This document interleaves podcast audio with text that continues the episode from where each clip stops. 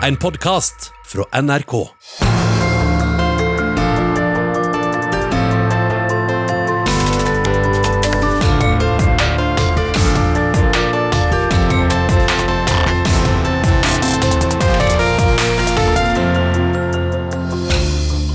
I disse dager blir nordmenn svindla for millionbeløp etter at identiteten deres er stålen og misbrukt. Opplysningene vi legger igjen på nettet gjør oss sårbare for identitetstyveri. Hvorfor låser vi døra til huset, men lar døra til internett stå på vidt gap?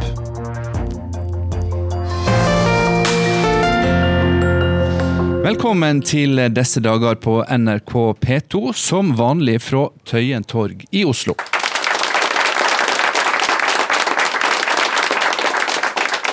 Den som har opplevd identitetstyveri, vet at det ikke er noe å klappe for. For de siste to åra har nærmere 100 000 mennesker i Norge blitt ramma av identitetstyveri.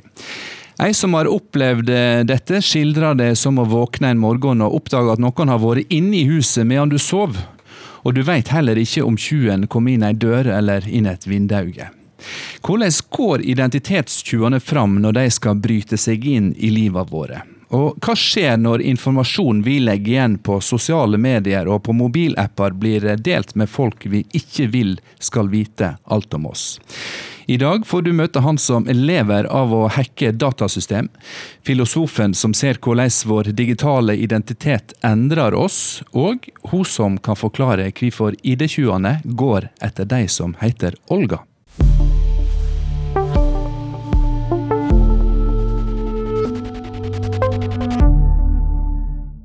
Men aller først, hun som brått en dag oppdaga at hun hadde 1,6 millioner kroner i gjeld for et lån andre hadde tatt opp i hennes navn. Her er Shadi Maleki.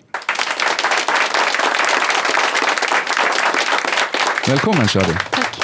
Når var det du forsto at du hadde hatt eh, innbrudd i livet ditt? Første gang oppdaget jeg var i um, 18. desember 2015, når jeg fikk en faktura fra Ja-bank i postkassen.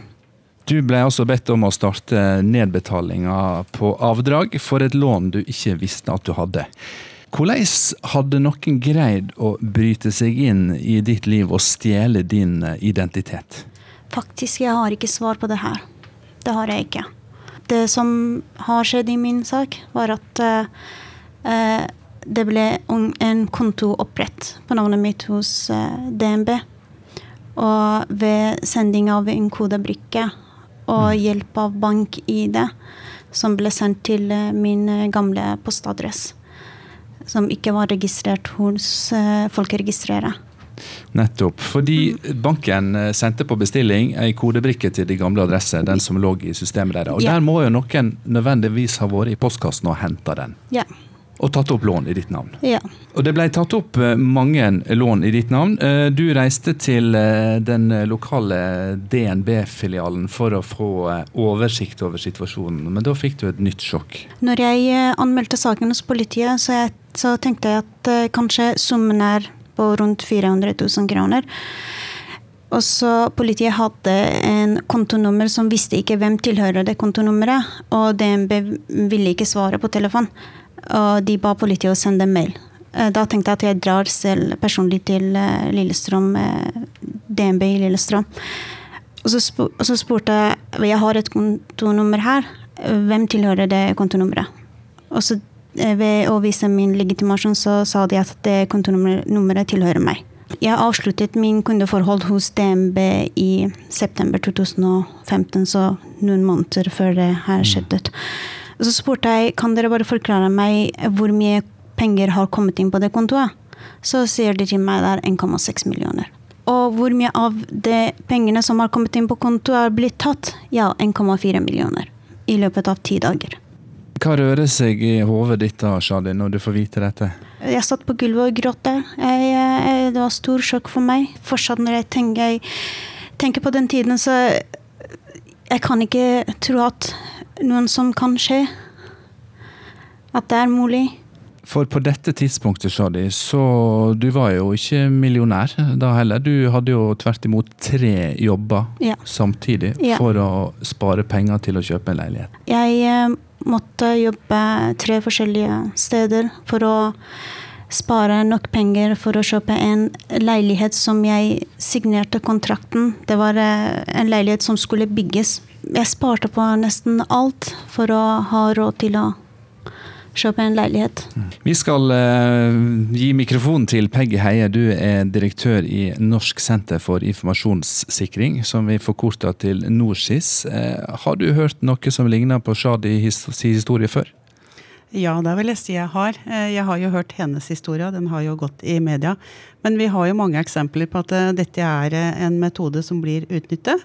Og at det er, som undersøkelsen vi har gjort sammen med Skatteetaten, som var publisert nå i år, at det er 100 000 nordmenn som har vært utsatt for dette. her. Og da ser vi ofte at det er svindel og misbruk av identifikasjon som gjør at det kan være lett å ta opp lån, spesielt dette som tidligere har vært forbrukslån. Men eh, hvordan skjer et klassisk eh, ID-tjuveri? Shadi vet jo ikke hvordan hennes identitet har kommet uv- uvedkommende i hende. Hva er den vanlige oppskrifta? Det kan være mange mulige årsaker til at informasjonen har kommet på avveier. Men det kan være alt fra at du har mistet lommeboka di, du har blitt frastjålet veska di, til at du gir ut informasjon eh, på nettet som andre kan utnytte. Eller til at det kan være nærstående, altså familie, venner, som har informasjon om deg, som dessverre utnytter det. Og det skjer oftere enn vi skulle tro. At det er de næreste som faktisk eh, begår identitetstyveri. Dessverre så har vi flere eksempler på at det der skjer. eh, Og én ting er at du har muligheten til å gjøre det, for du sitter på mye informasjon om vedkommende, og det kan være ulike grunner til at eh, de bruker det. Men det kan være alt fra personer som er i traumatiske forhold, til at du har spillegjeld, til at du ser muligheten, eller til ren hevnaksjon for, for eh, ektefelle, eller at det er skilsmisse, samlivsbrudd. Shadi, da er det jo eh, lett å lure på om det er noen i din omgangskrets som har ønska deg vondt og gjort deg til eh, gjeldsslave ved å rappe identiteten din? Øh, jeg kommer jeg, har ikke noen svar. Altså, jeg, vet ikke. Jeg har alltid lurt på hvordan det her er startet, og hvordan det her har skjedd. Jeg tenker på den nå fremdeles. Så- Fordi du eh, fikk jo et eh, sjokk og eh, starta en lang prosess med å kontakte alle de du skylder penger. Du har hatt mange møter i forliksrådet, og du har vært i retten fordi en av bankene saksøkte deg Ja. fordi de mente du hadde vært uaktsom. Ja. Selv om at politiet men, mente, også mente at, eh, og mener at eh, jeg er Jeg er ikke mistenkt i hele tatt. Og, jeg er, eh, og det er en annen som er mistenkt i saken og etterlyst. Men det var ikke nok for eh, bankene. Nei, for politiet har nemlig eh, mistenkt en navngitt svensk mann Ja. som har gått rundt i butikker og i minibanker og tatt ut penger som han har lånt i ditt navn. Ja. Hvordan har den prosessen vært etterpå, her, Shadi? Fordi dette har tatt lang tid. Eh, hva har det gjort med deg? Ja, øh, jeg eh, Det Jeg hadde Det hadde vært veldig vanskelig. Det, jeg kan ikke forklare det her. Uh, jeg slitet Jeg hadde soveproblemer. eh, angst. Eh, jeg har blitt paranoid. Um, for meg er det store Det er veldig vanskelig å åpne postkasser. Um, eh, sjekke mail. Plutselig får jeg Jeg tenker plutselig får jeg en mail fra en av de bankene. Um, så det har Det påvirket hele livet mitt over fire år. Peggy Heie, du har jo innsikt i mange enkeltsaker, og også i det store bildet. Eh, informasjon, Nå skal vi snakke om informasjon eh, på nettet. Eh, det er salgsvare, sier du. Eh, Tapte pass og bankkort er omsetningsverdig, og det er bare kreativiteten som stopper tjuvene. Ja, det stemmer. Og vi ser jo at dette her er en salgsvare. Og det betyr at hvis du kommer over personlig informasjon som kan brukes til å utnytte, så kan du selge den videre. Eh, og på det som vi kaller det mørke nettet, så kan du kjøpe hele profiler der du sitter med god informasjon om enkeltpersoner som du kan bruke til å gjennomføre svindel. Jeg snakka med noen som sa at eh, en identitet som det ikke er noe heft ved, altså som det ikke er tatt opp lån eh, til, eller som skulle ha penger, den identiteten kan være verdt både 200 og 300 000 kroner på det ulovlige markedet? Altså, Nå har ikke jeg noe kjennskap til hvilke summer det blir omsatt for, men at det har en verdi, rett og slett fordi at eh, du kan ta opp lån. Og når vi hører om millionsummer, at du kan på en måte få ut det, så klart at da vil det jo lønne seg. Og det er en rask måte å få tak i penger på hvis du har muligheten til å gjennomføre det. Og så er det et spørsmål jeg eh, lurer veldig på. Hva er det som gjør at navnet Olga er spesielt populært blant eh, de som skal stjele folks identitet? Nå var nok det litt tilfeldig at det ble Olga, men det vi ser, eh, som vi fikk første hendelsen om, da, så var det sønn av ei da, eldre dame som het Olga, som kontaktes og sa at mor var svindla. Hun, kontoen hennes var tappet for 1,8 millioner. Og det vi har sett i ettertid, både vi i NorSIS og politiet, er at mange eldre damer med navn Olga har vært kontaktet. Da er det oppsøkende virksomhet at de ringer opp ofrene sine og får dem til å logge inn på nettbanken og, tappe konta på den måten der. Og det er eh, spekulativt eh, at du går på eldre personer. For statistisk sett så er det eldre damer som heter Olga. Og da har de kartlagt hvem er det som er det en metode vi kan bruke for å finne ut hvem som kanskje er litt mer sårbare, ikke skjønner hvordan det digitale samfunnet fungerer. Så har de funnet ut at Olga er et sånt navn. Og derfor, Det er jo mer enn 50 episoder som vi vet om av Olga der det har figurert. Shadi, tilbake til deg. Hvordan har det gått med deg? Har du greid å bli kvitt gjelda, som på et tidspunkt var 1,6 millioner kroner? Ehm, de, eh, den tiden det gjaldt tolv forskjellige banker. Um, noen av de gjeldene ble slettet. Uh, en av de var det DNB, som var på 142 000 kroner. Jeg fikk aldri vite hvorfor. Sletta de. Uh, og så når jeg, har, når jeg hadde Når jeg var i retten, så hadde jeg ca. 1,1 millioner. Nå har jeg vunnet i retten mot uh, Norwegian, så jeg vet ikke hvor lang tid tar det til uh, de kommer til å slette den gjelden. Um, uh, nå foreløpig er 1,1 millioner. Som du fremdeles er juridisk ansvarlig for? Ja. ja.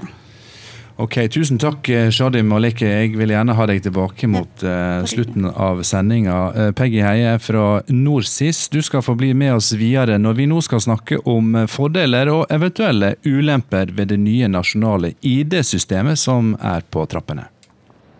Er du redd for at noen kan misbruke identiteten din til å f.eks. ta opp lån i ditt navn? Ja, man skal, være, man skal, være, oppmerksom på hvor man legger igjen identiteten. Og jeg trykker jo så ikke på lugubre lenker på rare e-poster. Men uh, jeg vil ikke si redd, men jeg er oppmerksom på det. Ja, faktisk. Uh, så vi har reservert oss for uh, mulighet til å kunne ha kredittkort og forbrukslån og ting som det i vårt navn. Det, vi kan ikke engang kjøpe på avbetaling, for vi har satt en sånn sperre kredittsperre, f.eks. Tror jeg det er en som heter. Ja, det er i bakhodet. Jeg er ikke noe særlig på sosiale medier. Men jeg er jo blitt hacket. Vanlig butikk. Skulle bare handle noen fiskesaker. For jeg leverte bankkort i tre terminaler. Første terminalen nei, det fungerer ikke her, men jeg slo i koden. Andre terminalen i samme butikk, det var en stor butikk. Fungerer ikke her. Tredje terminalen, ja der fungerte det. Og dagen etter ringte banken. Uh, har du bestilt på nettet en masse uh, festivaler i Dublin? Hva? Overhodet ikke. Absolutt ikke. Ja, nei, da er du blitt hacket. Og de er tatt ut for 10 000-15 000. Det, det, er jo det siste jeg ønsker at skal skje. ikke sant? Sånn at jeg eh, tenker at jeg lever et såpass regulert liv og har på en måte såpass kontroll. Eh, men eh, tanker slår meg jo noen ganger. Men da må det være folk jeg ikke kjenner. Fordi de jeg kjenner, de har jeg kontroll på.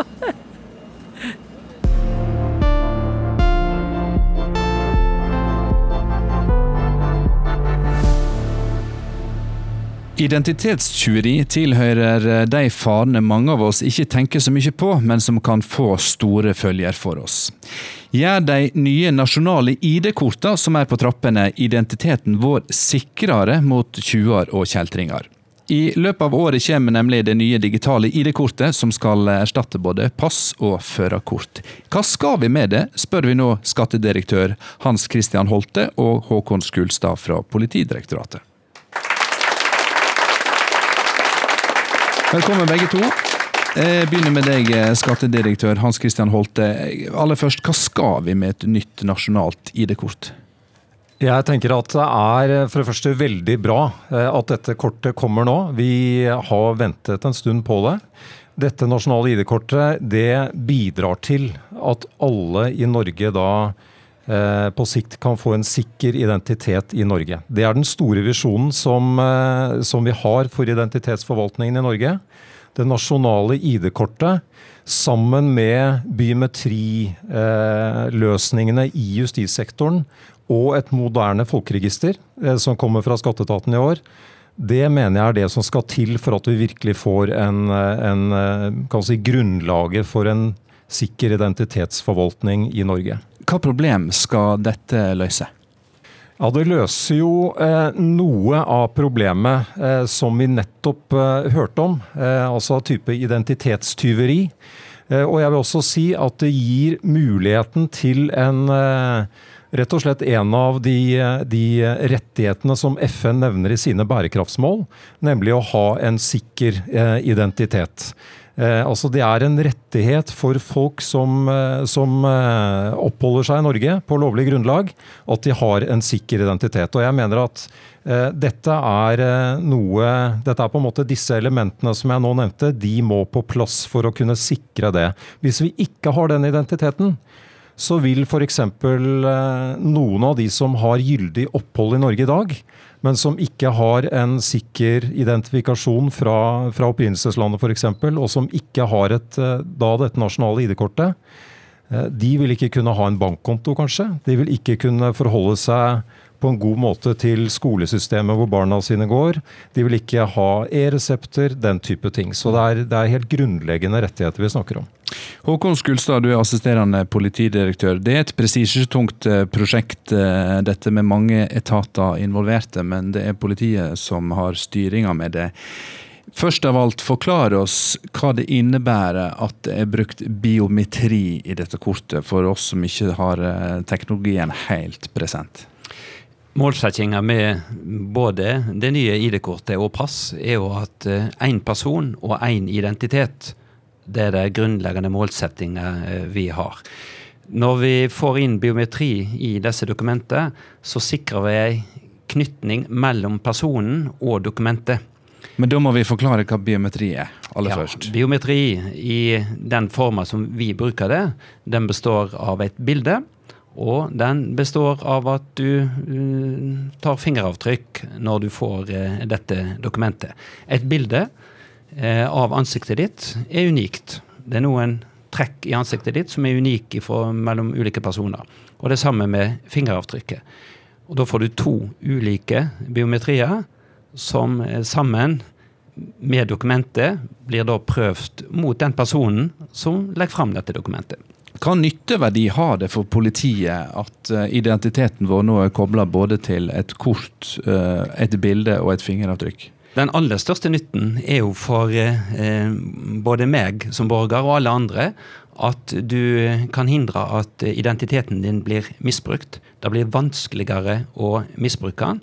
Fordi at eh, vi har nå styrka eh, prosessen, altså ID-kontrollen, når du skal få utstedt dette dokumentet. Da er vi sikre på at den personen som får dette dokumentet, virkelig er den personen som skal ha det dokumentet. Når denne personen har fått dette dokumentet, så er det innebygd den biometrien, slik at hvis du skulle finne et dokument og forsøke å misbruke det, så vil du bli avslørt når dokument og person blir eh, sjekka mot hverandre. Vi skal senere i sendinga høre hva som kan skje, og hvor sårbare vi blir når veldig mye av vår identitet blir digitalisert. Og når, eh, når vi da får både bilde og fingeravtrykket vårt eh, i et digitalt kort, Hans Christian Holte, Blir dette garantert sikrere for oss?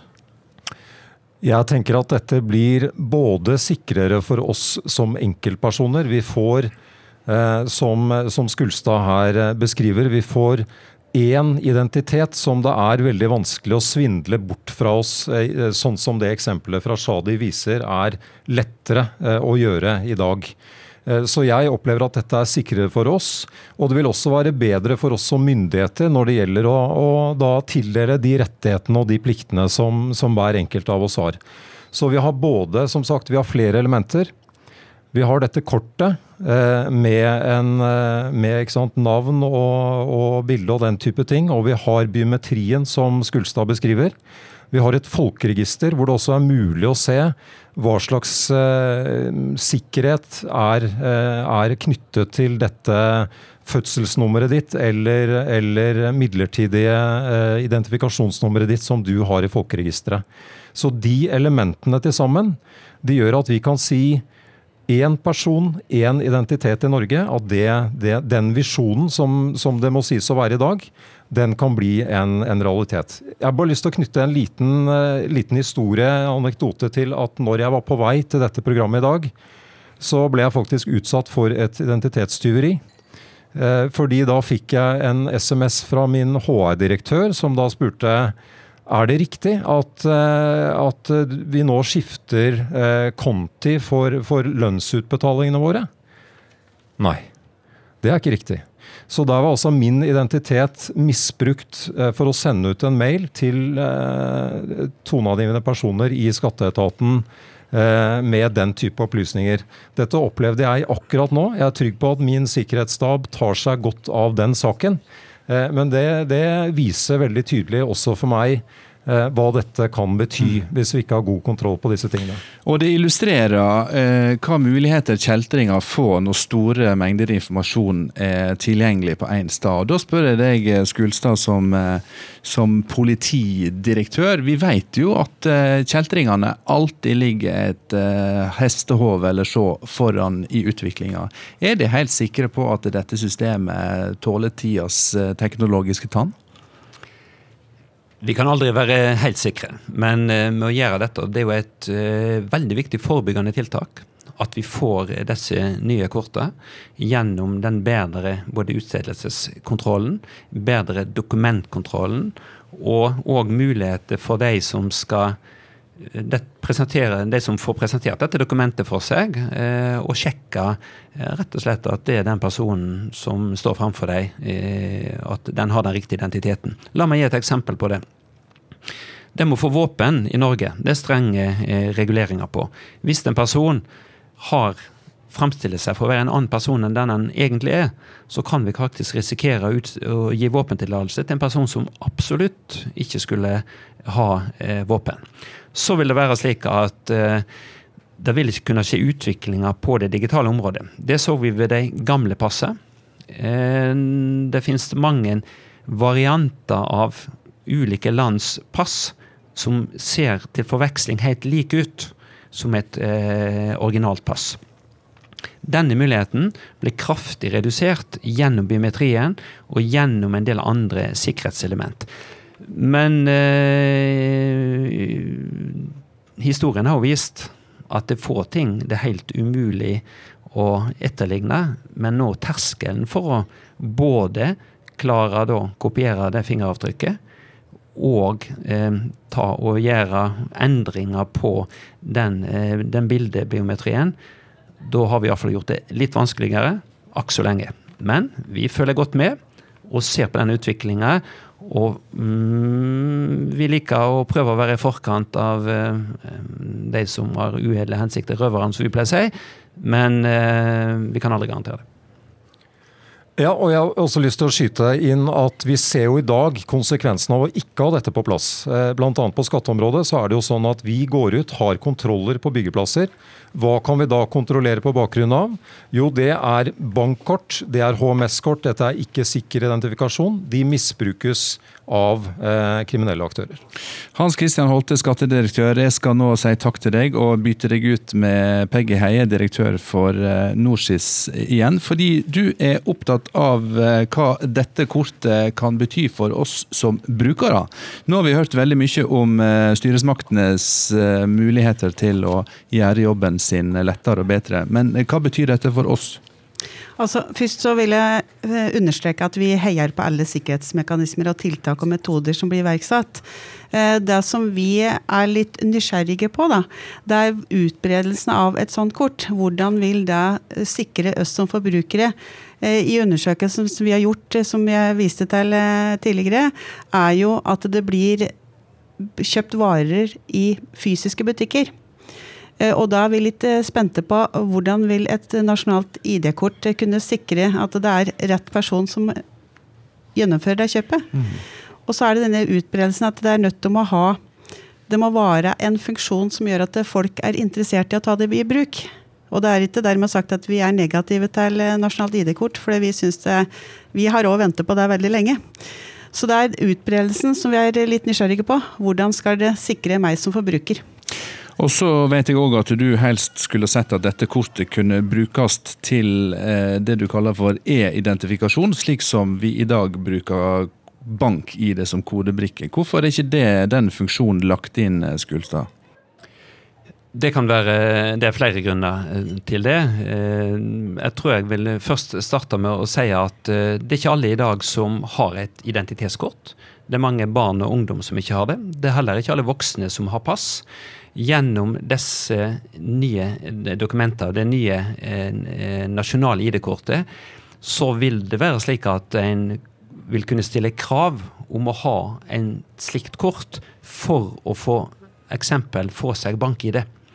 Det vil si altså at eh, for å få de mulighetene, for å få eh, andre rett eller andre ytelser, f.eks.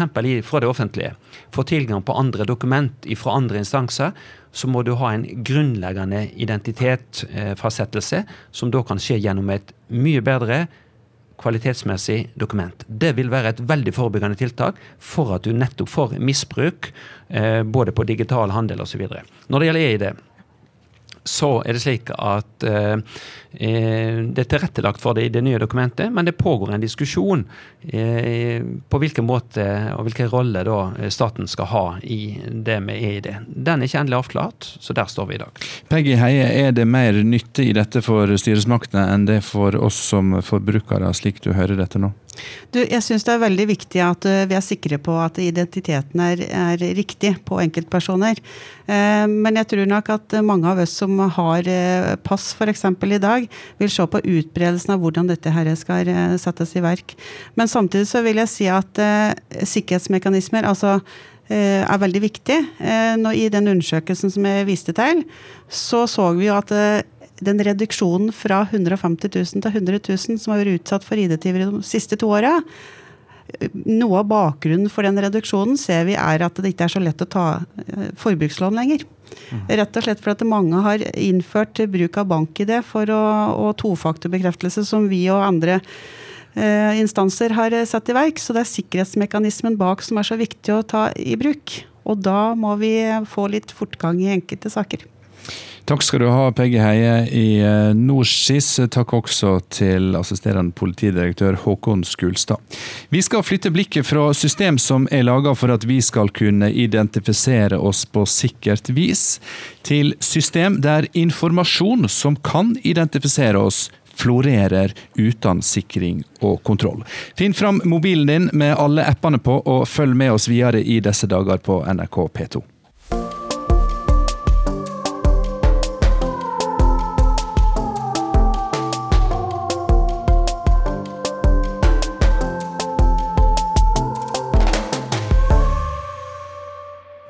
Det er sjelden kost at en mobilapp fører til parlamentarisk krise og en byråd sin avgang, men det skjedde for ikke lenge siden i Bergen.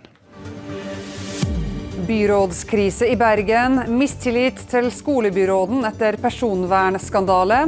Byrådslederen varsler at hele byrådet kommer til å gå av.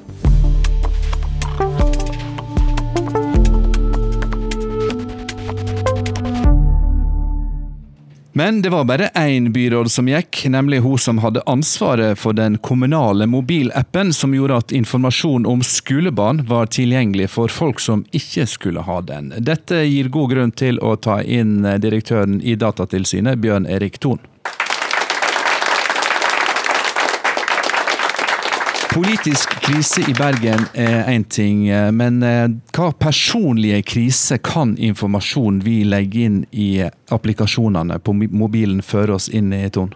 Så Først av alt så viser jo denne saken kanskje mer enn noen annen sak hvor viktig personvern og informasjonssikkerhet har blitt nå. For eh, det er som dere sa i introduksjonen her, ikke noe hverdagskost at en eh, statsråd eller en byråd i dette tilfellet går av. Eh, og at det går av på en personvern- og sikkerhetssak er jo helt ekstraordinært. Men så var jo også dette en veldig spesiell sak, eller det er en veldig spesiell sak, som eh, ikke er ferdigbehandlet hos oss. Vi har den til behandling nå.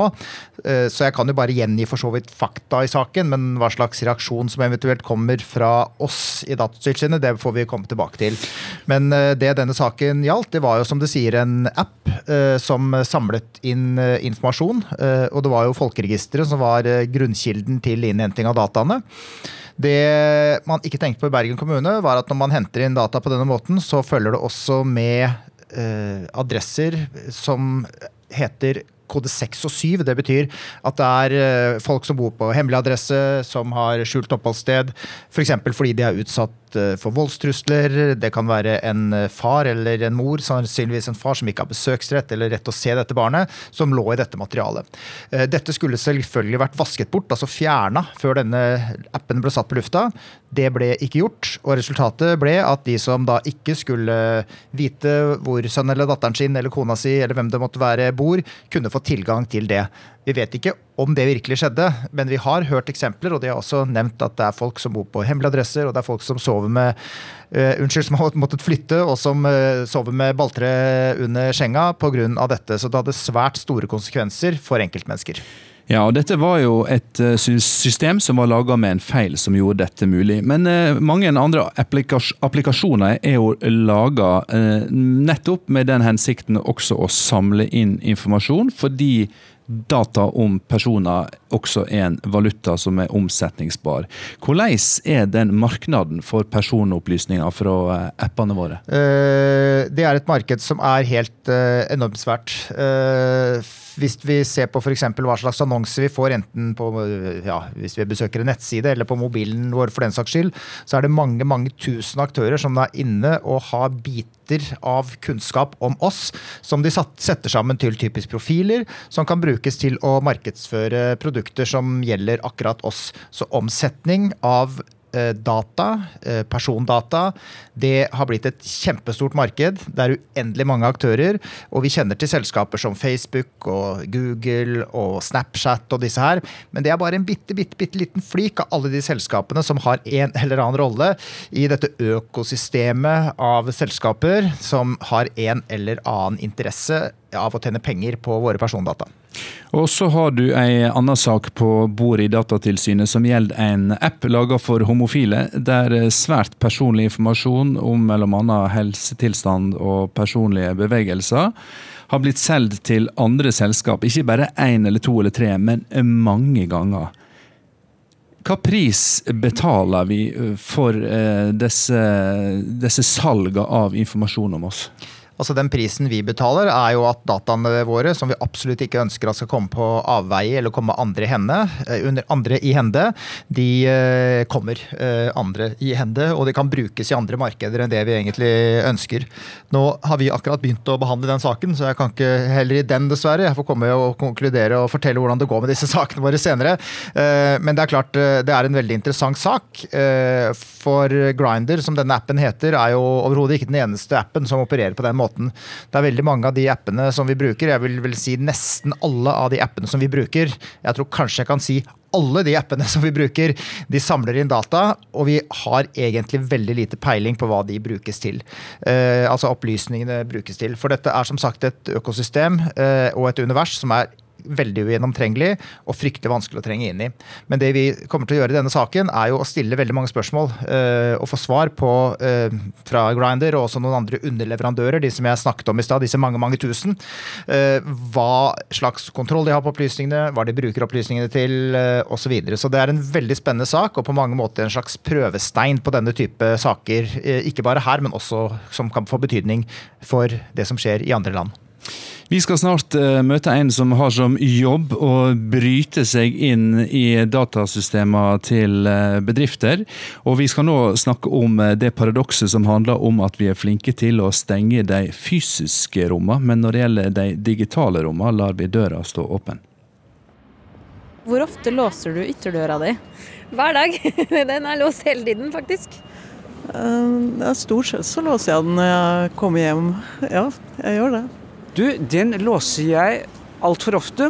Jeg bor i fjerde etasje, og selv når jeg går ned i første etasje for å se etter posten, så låser jeg døren, og så går jeg opp igjen og låser opp døren. Og hvor ofte oppdaterer du ruteren din, da?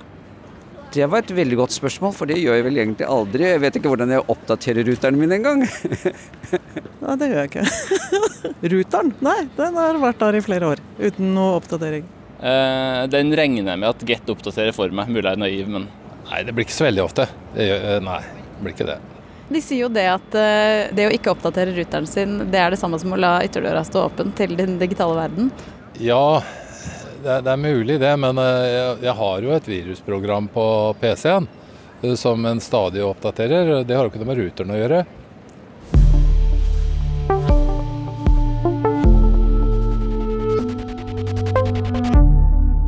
Ja, Da må jeg spørre deg, Martin Ingesen, som altså er profesjonell hacker. Hva tenker du om de svarene du hører fra gata her? Nei, jeg tenker at det er uh, Sjokkerer meg ikke i det hele tatt. Uh, jeg syns Ruter er vanskelig å oppgradere selv, ja. så uh, jeg kan forstå at Ola Nordmann ikke gjør det. Vi eh, skal presentere deg, eh, og jeg skal gå i sløyfe om eh, via Bergen kommune, fordi vi snakka om Bergen kommune i stad. Der var det altså en 13-åring som oppdaga et sikkerhetshull i kommunen sitt datasystem. og Han havna først i både politiet og Datatilsynet sitt søkelys, før han senere fikk Nei, det er ikke Datatilsynet. Nei, han havna i politiets søkelys før han senere fikk jobb i byens bank som hushacker. Mm. Og det kunne jo ha vært deg, Martin, fordi du er også en hacker og har vært det siden du var ganske liten? Ja, det stemmer. Det var barneskolen jeg fikk virkelig interesse for, eh, for datamaskiner. Så Nei, men det, det er klart at eh, det er veldig spennende å lete og grave litt når man, når man er ung. Og så har man kanskje ikke alltid de, den forståelsen for hvor grensa går. da, eh, Hvor langt man faktisk kan strekke strikken før den ryker. Så, så det er klart jeg har flere, flere venner og bekjente som, som har vært i politiets søkelys eh, pga. lignende ting. Da. Ja, Men du havna på rett side av eh, streken, og nå jobber du altså på oppdrag fra næringslivet, bl.a. eh, mm. for å Du er betalt for å hacke deg. Ja, stemmer. Hva handler dette om? Nei, altså, det er jo Bedrifter er interessert i å, i å vite hvordan de er eksponert, både på internett eller fysisk. og med tanke på da cybersikkerhet.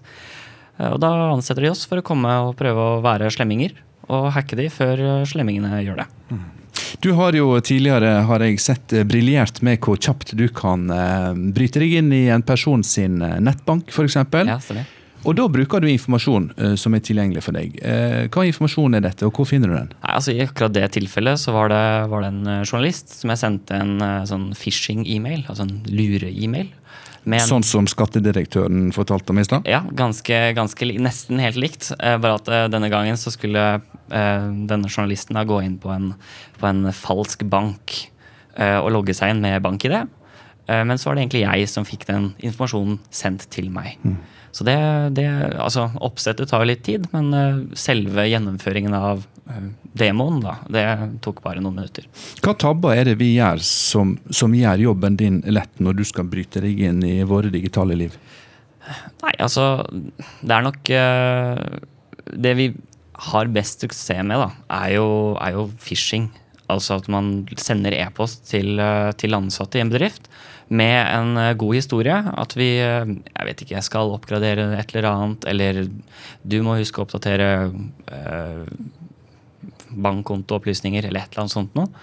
Eh, og så klikker folk seg inn da, og fyller ut eh, opplysninger, fyller ut brukernavn, passord, eh, og klikker 'send'. Så det er nok kanskje det, det som er liksom mest vanlig. da. Mm. Bjørn Erik Thon, én ting er at vi som voksne både har og må ta et visst ansvar for oss sjøl og verne oss. Men Stadig flere skolebarn må også nå ta i bruk digitale verktøy, og du har uttalt deg svært kritisk om hvordan det står til med datatryggleiken i skolene. Hva er det som er gale? Uh, ja, Noe av det som går galt, er bl.a. det som gikk eh, galt, og som har gått galt i Bergen ved et par anledninger. Det har gått galt i Oslo, det er flere andre kommuner det har gått galt. Uh, og Det er jo rett og slett at man ikke klarer å holde god nok sikkerhet i f.eks. dialogen mellom skole og eh, hjem, eh, sånn at opplysninger kan eh, komme på avveie den veien. Det er at det har blitt sendt ut Eh, e-poster eller eh, tekstmeldinger eller andre typer meldinger som skulle vært til en elev, som sendes ut kanskje til en hel klasse eller i verste fall en hel skole med veldig sensitiv informasjon. Eh, og Det er bare noen av de eksemplene som vi, som vi har sett. Og For meg så virker det som om veldig mange etater nå sitter bare og ser på hverandre og lurer på hva de andre gjør, uten at det er noen samordnet innsats for å få løfta kunnskapen hos lærere, hos kommuner og alle som har en eller annen annen rolle å spille når det gjelder informasjonssikkerhet eh, og personvern. Og jeg syns jo det er betegnende, eh, sånn som Martin sier, eh, og du nevnte dette eksempelet med denne ungdommen fra Bergen som vi aldri, bare sånn at jeg har sagt, har hatt noen sak mot. Bergen kommune derimot var ikke så fornøyd med det han gjorde. Men vi har jo også hatt saker hvor det er andre ungdommer som har vært litt eldre enn han, som har hacket seg inn, og hvor de som har driftet tjenestene, må ha spurt hackerne hvordan de har gjort det. Så litt sånn som Martin forteller, det eksempelet der. Men det er virkelig i skolen så har digitaliseringen gått så fort, eh, og det har vært så trøkk på å digitalisere, men ikke særlig mye trøkk på å digitalisere riktig. Eh, og det er da vi får sånne uh, hendelser som det vi har hatt, og sånne situasjoner som det vi har hatt, at det er en sektor som kanskje ikke liksom er helt moden for å gå så fort fram som det den gjør. da. Og da er det kjempeviktig at folk lærer seg digital kompetanse, eh, at det er masse fine digitale læremidler i skolen, og at man driver med læringsanalyser. Men hele tilliten ødelegges jo eh, når vi har sånne hendelser som dette. Martin Ingesen, det er vel ikke bare i norsk skole at digitaliseringa har gått fort. Det gjelder vel også norske bedrifter og norske private hjemme. Mm. Hva er din teori på at vi er i, verdenstoppen når det gjelder eh, IT og digitalisering, og helt elendige, høres det ut som, på å trygge vårt eh, digitale liv? Nei, Det er jo litt Bjørn Erik, Bjørn Erik sier, at vi kanskje digitaliserer litt fort. Digitaliserer for digitaliseringens skyld, på en måte. At det, alt skal på internett uh, så fort som overhodet mulig, uten at vi stopper opp og tenker på konsekvensene liksom, ja, og sikringsmekanismene rundt disse tingene. Da, det, er, det er ingen hemmelighet at uh, når apper lages fort, så skjer det feil. Og da ja, blir, kommer gjerne data på avveie, f.eks. Og du vet jo bedre enn noen andre hvordan disse feilene kan utnyttes uh, for deg med, med, dårlige hensikter. Hvor, ofte ser, hvor, ofte skjer det at du finner åpne dører inn i det digitale? Nei, altså Som regel er det alltid en måte. Eh, noen ganger er det ikke sikkert det er noen tekniske sikkerhetshull. på en måte, at Det er, det er ikke sikkert det er eh, sårbarheter i brannmur eller applikasjoner på internett. Eh, da er det gjerne at man går litt mer på det bløte, altså mennesker, da. Og prøver å utnytte, utnytte de, holdt jeg på å si.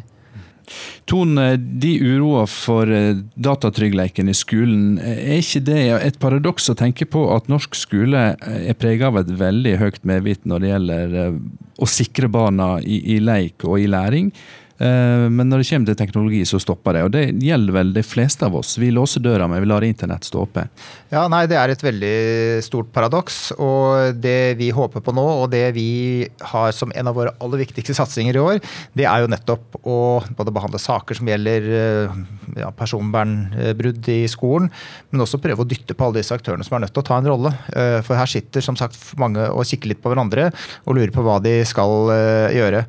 Og så er det nok jeg syns jo egentlig eh, litt synd på mange av de kommunene som nå sitter og eh, tar i bruk digitale løsninger. fordi de, det krever ganske stor kompetanse eh, å kunne gjøre ting riktig. Og da trenger de rett og slett hjelp. Eh, og jeg forstår at eh, når, altså når selv en stor kommune som Bergen, som har gjort veldig mye bra, og som i de sakene som de har hatt til behandling, har vist en forbilledlig og veldig veldig god åpenhet, sånn at, sånn at andre skal unngå å gjøre de samme feilene. Men når de klarer å gjøre feil, så kan vi jo bare tenke på, og kanskje særlig frykte, hva som skjer i mindre kommuner med, med mindre kompetanse, eh, når de skal gjøre noe av det samme.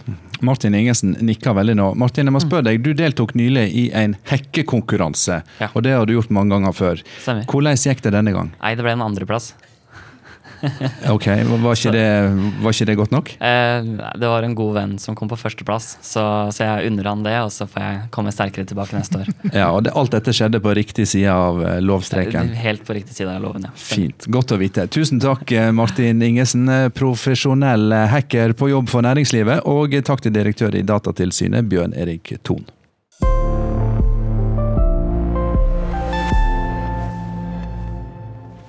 Nå har vi snakka mye om eh, teknologi og tekniske eh, løsninger, hvordan vi skal verne oss mot eh, identitetstyveri og annet. Nå er det på tide å gå filosofisk til verks. Vi tar inn Einar Duenger Bøhn, professor i filosofi ved Universitetet i Agder. Velkommen, Einar. Takk, takk. Ehm, interessant nok eh, gjorde du om på planene dine for å kunne være med på dagens sending, for du sa at eh, når det gjelder dette spørsmålet her, er det altfor få filosofer som er opptatt av det. Hvorfor er teknologi et filosofisk spørsmål? Nei, det, er, eh, det har jo vært det lenge, men altså det går helt tilbake til de gamle grekerne. og Bare ordet teknologi, altså techne, det kommer av techne, som var det gamle greske begrepet for kunnskap, og kunnen. Det å kunne noe. Og det var gamle filosofer alltid vært veldig opptatt av. Eh, Men i dag, når vi har kommet inn i veldig digital tidsalder, så ser du jo bevegelser i dag òg, selvfølgelig. Men mm, fagfilosofien ligger litt etter her, syns jeg da. Eh, Så jeg syns det er litt synd, for det er veldig mange andre fag som eh, trenger seg på markedet. Så detter vi fagfilosofien litt av, men det er jo vi som er best egna til det her. ok, nå skal jeg teste deg på det, fordi jeg skal begynne med et veldig stort filosofisk spørsmål. Hva er identitet? Ja, det er et veldig godt spørsmål. Det er jo noe av det største. Det, men sånn som i, i forhold til det vi har snakka om i dag, da, så tror jeg det er veldig viktig å se på tre, i hvert fall tre forskjellige forståelser av hva det, hva det er. da. Fordi på den ene siden så er spørsmålet om personlig identitet det er spørsmålet om hva jeg er, og hva som gjør at jeg er den samme personen over tid. Det er et metafysisk spørsmål som fagfilosofien er veldig opptatt av, og jeg har jobba mange år med. Og så er det det juridiske spørsmålet, hva det er som identifiserer en person rent juridisk. Altså Da kommer vi mer inn på det som jeg snakka om i dag, med sånne ID-kort og, og bank-ID og alt dette her. Og så er det det som kalles, eh, jeg vet ikke om det vanligvis kalles det, men jeg kaller det i hvert fall nå, eh, sosial identitet. Og det handler mer om hva vi identifiserer oss med. Altså hva slags referansepunkter jeg knytter meg opp mot og sier 'dette er meg'. Jeg er den som går med Converse-sko og hettegenser, ikke lakksko og dress. liksom. Altså, det er sånn Helt tilfeldig valgt. Det er sånn, det er, det er liksom det jeg identifiserer meg med, mens du gjør noe annet. Eh, eh, sånne ting. Og det er ofte sosial identitet. Og det som er interessant, er at alle disse tre nivåene av identitet, personlig identitet påvirkes i veldig stor grad av en digital utvikling vi ser nå. Eh, Så den første metafysiske, sånn hva som gjør meg meg, også faktisk ganske interessant sånn i forhold til digitalisering, men det blir veldig sånn fagspørsmål om vi kan laste opp sinnet vårt og litt sånne ting, som vi ikke bør ta i dag. Men eh, også det juridiske, ser du, har sett i dag. Veldig viktig. ikke sant? Med sikkerhet begynner å komme inn og bli veldig viktig, fordi når det digitaliseres, og spesielt sentraliseres, så blir det veldig sårbart når det først går gærent. Eh, Så det er veldig viktig. Også den sosiale identiteten, hvilke referansepunkter. Når alt det digitaliseres, så blir til at jeg identifiserer meg med ting som på en måte er veldig langt unna, eh, fjernt, og som jeg er litt sånn fremmedgjort til eh, i forhold til hvordan det var før, hvor det var veldig mye mer sånn klærne jeg gikk med faktisk på skolen, og sykkelen min, og sånne fysiske ting som jeg identifiserte meg med. Mens nå ligger det overalt i skyer over hele verden. ikke sant? Og likevel nevner ikke du eh, begrepet digital identitet. Nei, altså det er litt den siste, da, sosial identitet. Altså Når vi begynner å identifisere oss mer og mer med digitale referansepunkter, som ikke er lokalisert noe bestemt sted, som er globale, så gir jo det selvfølgelig en form for digital identitet. Altså hva identifiserer jeg meg med der ute, og hvem er jeg der ute?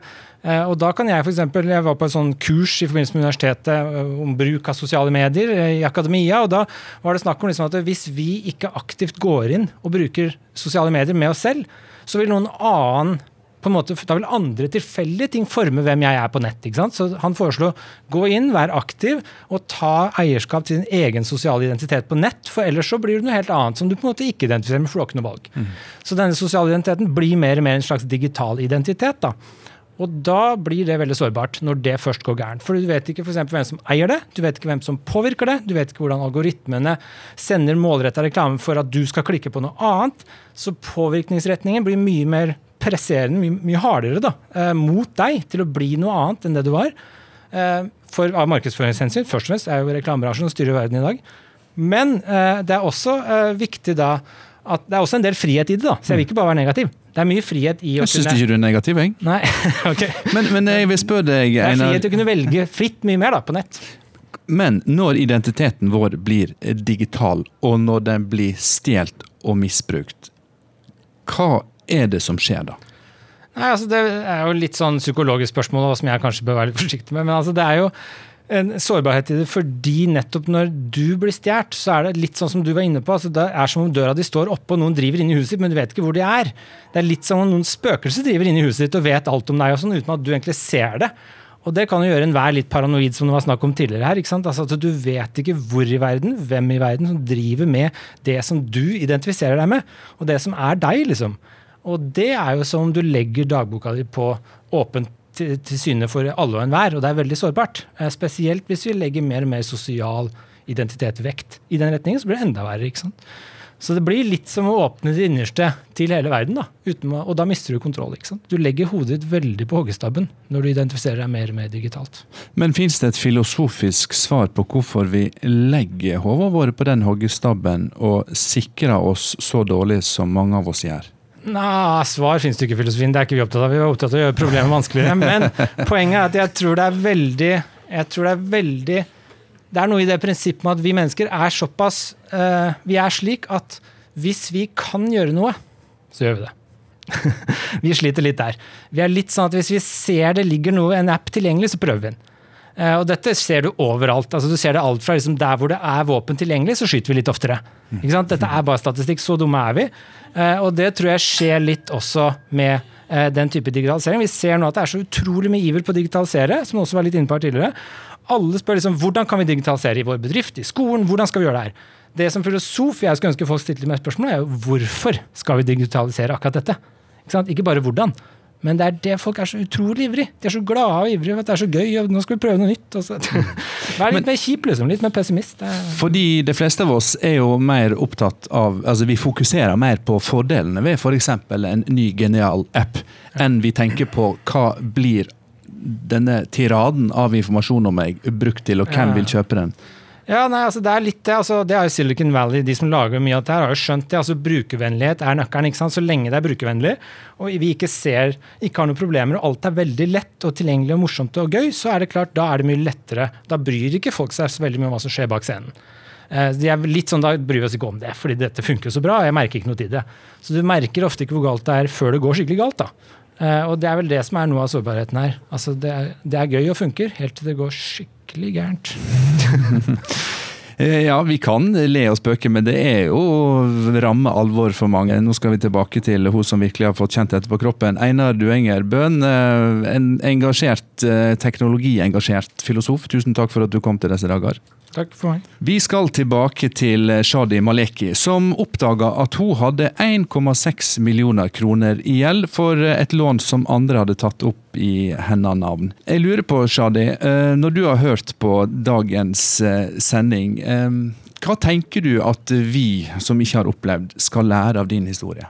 Dere kan passe litt mer på deres bankkort, ID passe på hvor man logger seg inn på PC. Hvilken side er det Kan man stole på den siden som ble sendt på mail eller SMS? Uh, ikke dele ut informasjon med mange andre som man ikke kjenner og ikke stoler på. Når jeg satt der og hørte på det her, så tenkte jeg at kanskje min PC har blitt hacket inn den tiden, og jeg ikke visste om det der. Og så tenkte jeg samtidig hvordan kunne det her for, ble forhindret? Så tenkte jeg at hvis det hadde ikke vært så lett å ta opp lån, hvis det hadde ikke vært mulig å sitte bak PC og, søke lån, så kanskje det her ikke var mulig å skjedde. Jeg kom til Norge i slutten av 2009, og forbrukslån var for meg veldig ukjent.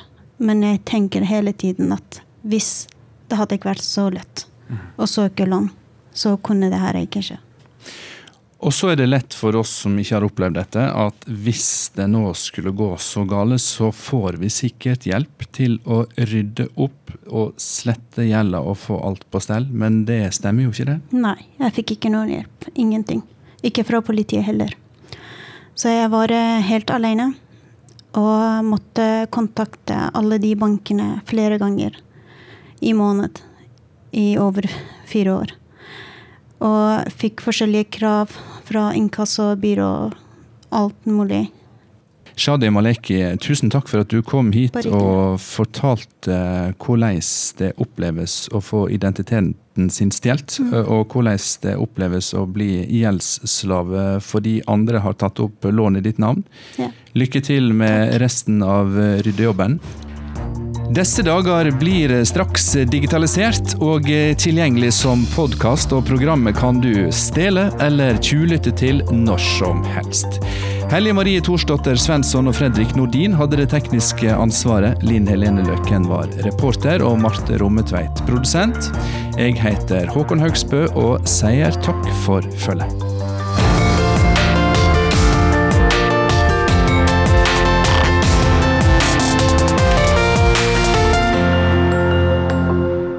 Du har hørt en podkast fra NRK.